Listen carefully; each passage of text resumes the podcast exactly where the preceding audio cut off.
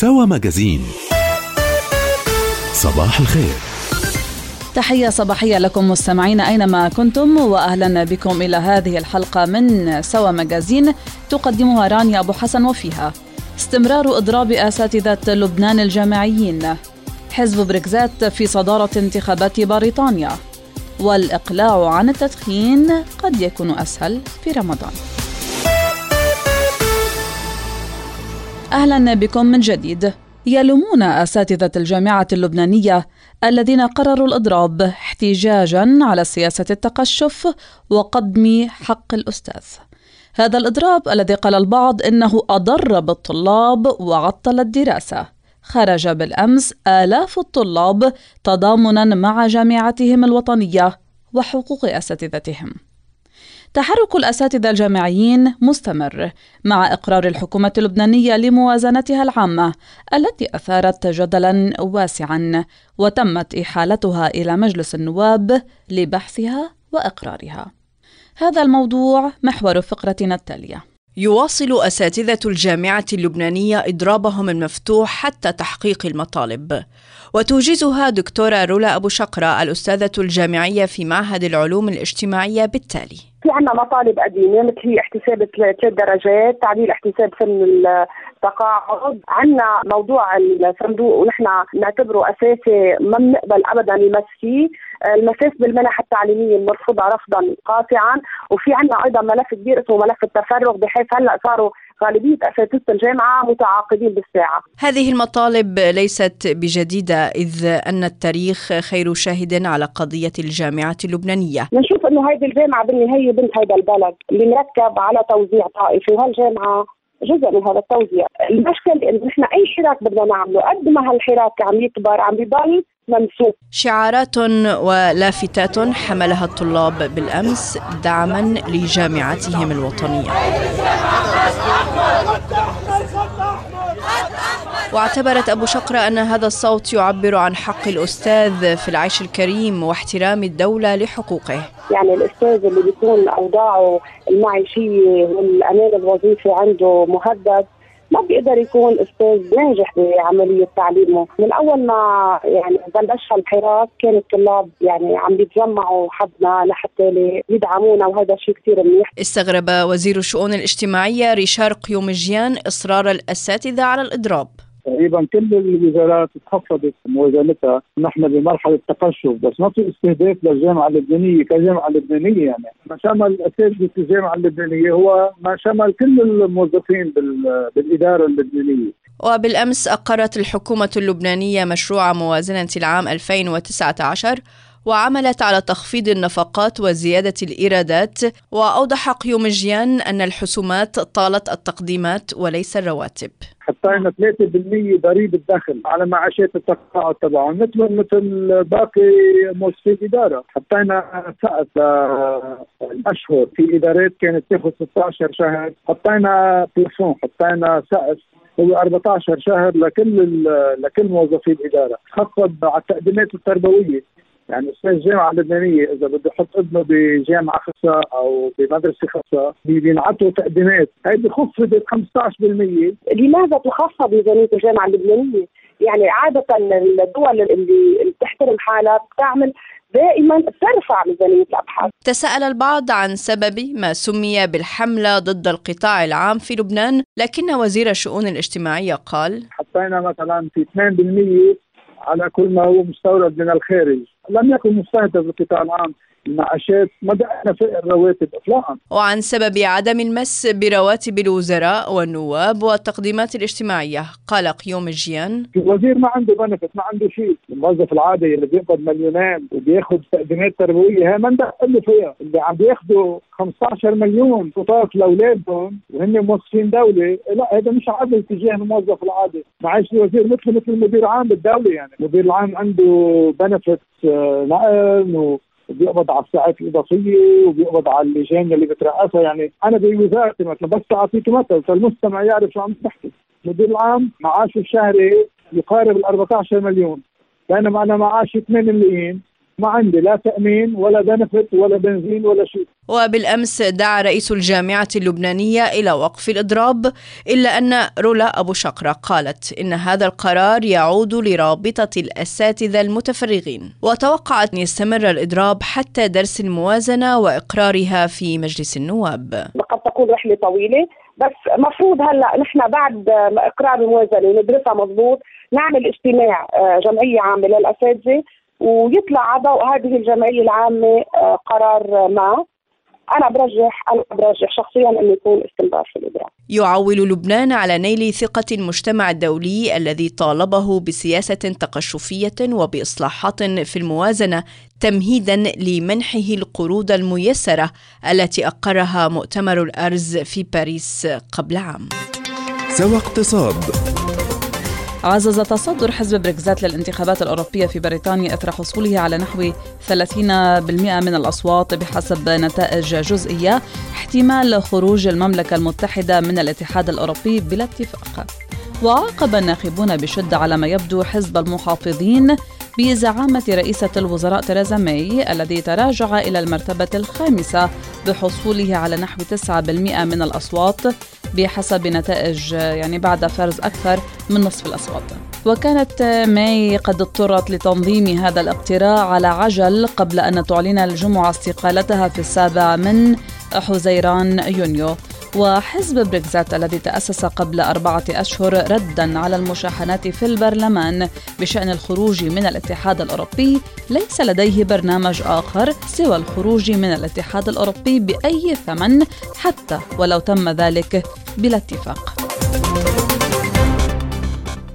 تعيش المنطقة التي تقطنها أغلبية كردية شمال سوريا واقعا مختلفا بعد طرد تنظيم داعش واستقرار الأوضاع نسبيا هناك وتراجع حدة الحملات العسكرية التركية ضد أكراد سوريا. هذا الواقع بدأ يتجسد في المؤسسات التعليمية التي تستخدم اللغة الكردية كلغة رئيسية وبات من كانوا يخشون التعبير بحرية عن ثقافتهم قبل عام 2011 يجاهرون بها ويكتبون مناهج تعليمية تركز على تاريخ الأكراد وإنجازاتهم ومعاناتهم. هذا التقرير سيأخذنا الآن في زيارة للقامشلي السورية للتعرف على هذا الواقع الجديد. أطفال صغار يرددون بكل حماس الكلمات التي يتعلمونها بالكردية جيل جديد ينشأ بين جنبات واقع جديد يختلف عما كانت عليه الحال قبل سنوات. لا سيما أن الاستقرار النسبي عاد لمدينة القامشلي التي كانت مسرحا لمعارك عدة. لكن المدارس فتحت مرة أخرى وعاد الأطفال والطلاب لمقاعد الدراسة. ولكن اللغة الرئيسية الآن هي الكردية في المنطقة التي يسيطر عليها أكراد سوريا والتي يطلقون عليها اسم روج آفا.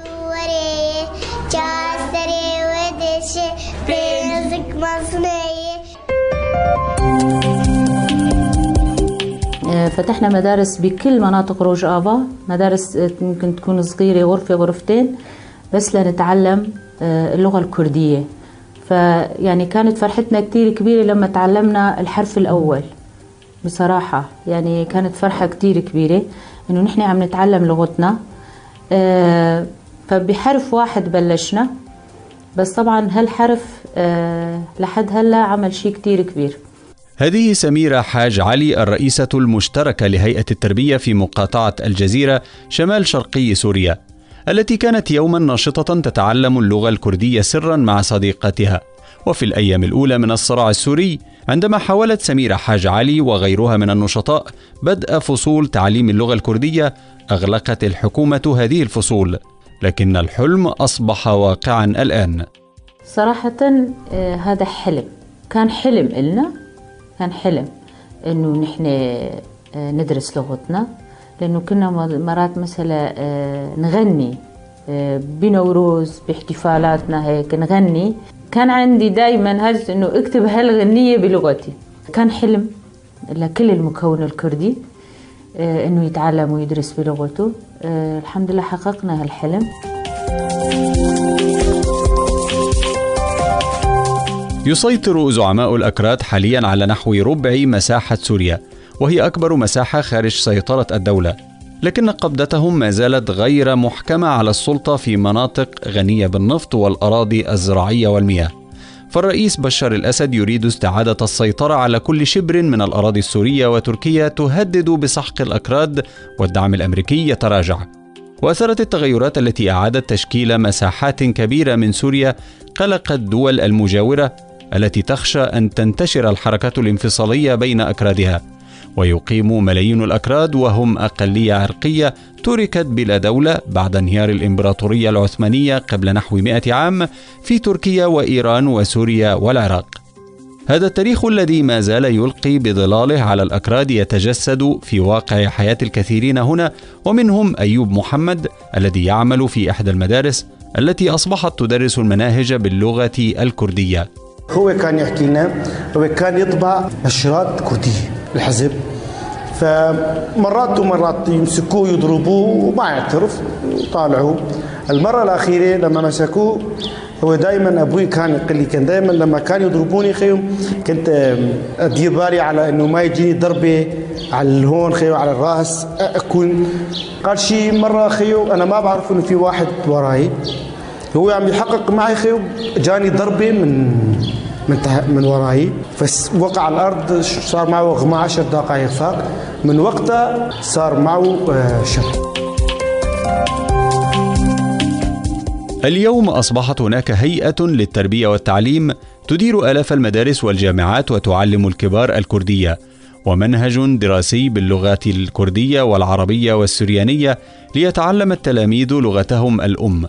متخلصين داخل الفصول الدراسية من فكر حزب البعث الذي يمجد القومية العربية لكن وزارة التربية والتعليم السورية تقول إنها تبلغ جميع المدارس مرارا وتكرارا بالالتزام بالمناهج الدراسية الحكومية لمصلحة التلاميذ ولحصولهم على الدرجات المقبولة في الخارج.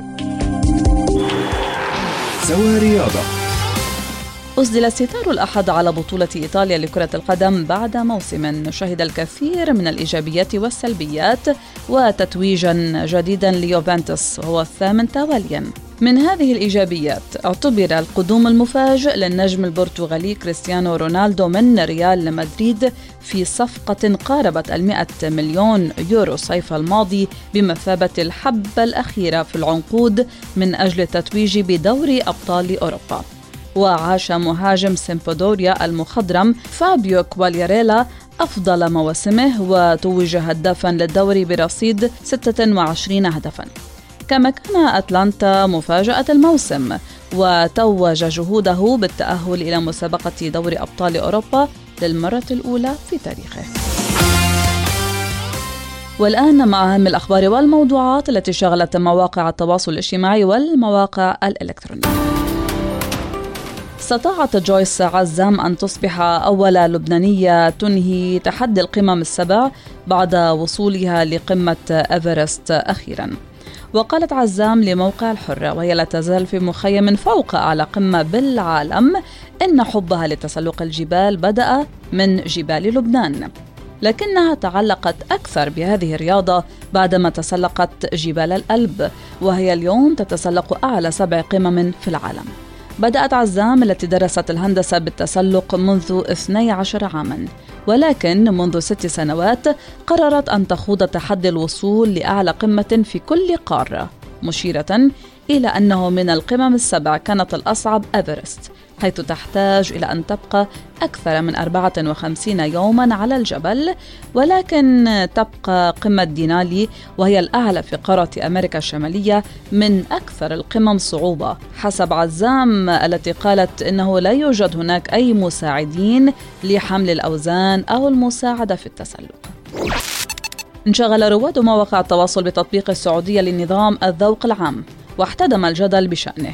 فما هو القانون وما هي العقوبات المترتبة على مخالفيه؟ بدأ تطبيق هذا النظام في الخامس والعشرين من مايو أيار وفرضت السلطات السعودية غرامة مالية قدرت بخمسة ألاف ريال على مخالفي الذوق العام في البلاد وكان مجلس الشورى قد صدق في التاسع من نيسان أبريل الماضي على قانون الذوق العام المتكون من عشرة بنود وعرف القانون الذوق العام بأنه مجموعة سلوكيات تعبر عن قيم المجتمع ومبادئه وهويته يرمي هذا القانون إلى المحافظة على قيم وعادات المجتمع السعودي ومراعاة خصوصيات الناس ومعاقبة كل من يتلفظ أو يقوم بفعل يضر أو يخيف مرتدي الأماكن العامة.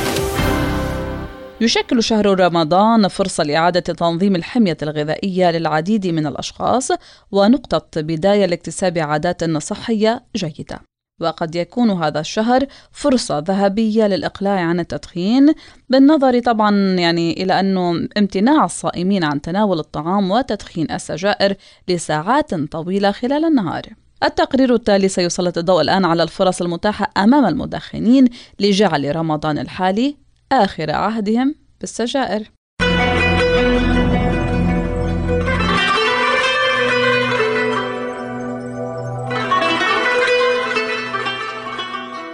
لطالما كان شهر رمضان بداية لتغيير سلوكيات غير مرغوبة عندما يتعلق الأمر بالصحة الجسدية فساعات الصيام الطويلة عن الطعام والشراب إضافة إلى الأجواء الروحانية تعزز فكرة التغيير وتشكل دافعا نحو الأفضل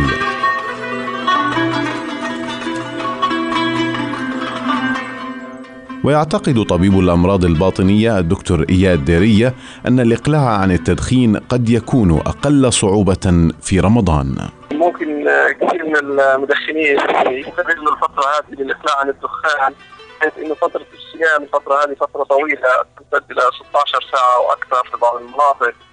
في هذه الفترة يعني فترة مش بسيطة إن الواحد يستغلها. يعني بيبقى للواحد اللي هي تقريبا ثمان ساعات لليوم كامل. أقل شيء أربع ساعات راح ينام منهم. يعني في معه أربع ساعات. الأربع ساعات هذا ممكن إنه يستغل إنه ما يدخن فيها. وخصوصا إنه الأربع ساعات هذول بيدخن فيها على السجائر كثيره هذا ممكن يسبب له بعض المشاكل منها صوت النفس أو مواد في الدم مش كويس للمدخن السعال فيعني ممكن يستغلها إنه آه، يقلع عن الدخان. ويشدد طبيب الأمراض الصدرية والجهاز التنفسي الدكتور نديم نعمة على أن التدخين في شهر رمضان وفي غيره يسبب أضرارا كبيرة على الرئتين وعلى العديد من أعضاء الجسم. بيفتكر إنه قضية التدخين بس مضره بس للروايه بس إنه بتعتبر إنه التدخين في ضرر منه من ناحية الرأس لكعب الرجلين على أساس المشريين كمان بتتأثر الرأس بتتأثر. اما بيتأثر؟ الزعيم بيعملوا كمان كانسر المعدة بتعمل مشاكل مرض التدخين بعض الأمراض السرطانية اللي عليها مباشرة. بالتدخين ويكون مثلا يعني الشخص مضروب خاصة بجهاز المجاري البولية وسطات الثاني الغدد الشوكيه العضل العصب لكن ماذا عن النرجيلة؟ وهل الإقلاع عنها أسهل في رمضان؟ النرجيلة يعني إذا بدك تدخن مثل التنبك اللي بحطوه على راس النرجيلة التنبك الكمية اللي موجودة فيها بتساوي آه، علبة دخان. واحدة. يعني إذا كان واحد عم بأجل بال عم بأجل يعني من بعد ما يكون يفطر بياخد اجيل مش كان عم مش مش مش حل يعني هذا بالعكس. يعني مزج الاجيلي وصوت الاجيلي أو بيدخلوا تعلق الشخص بالتدخين وبالسيجاره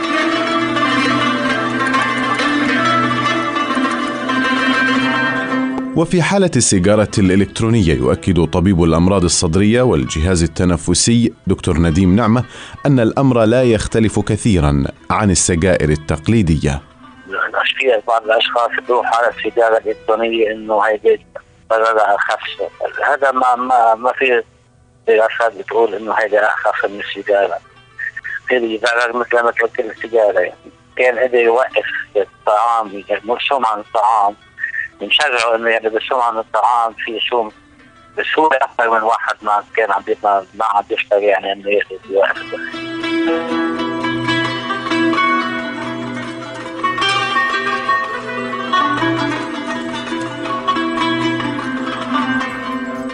قد يبدو الأمر صعبا في البداية لكن الإقلاع عن التدخين فرصة قائمة في شهر رمضان وفي كل الأشهر ويجب اغتنامها قبل فوات الأوان.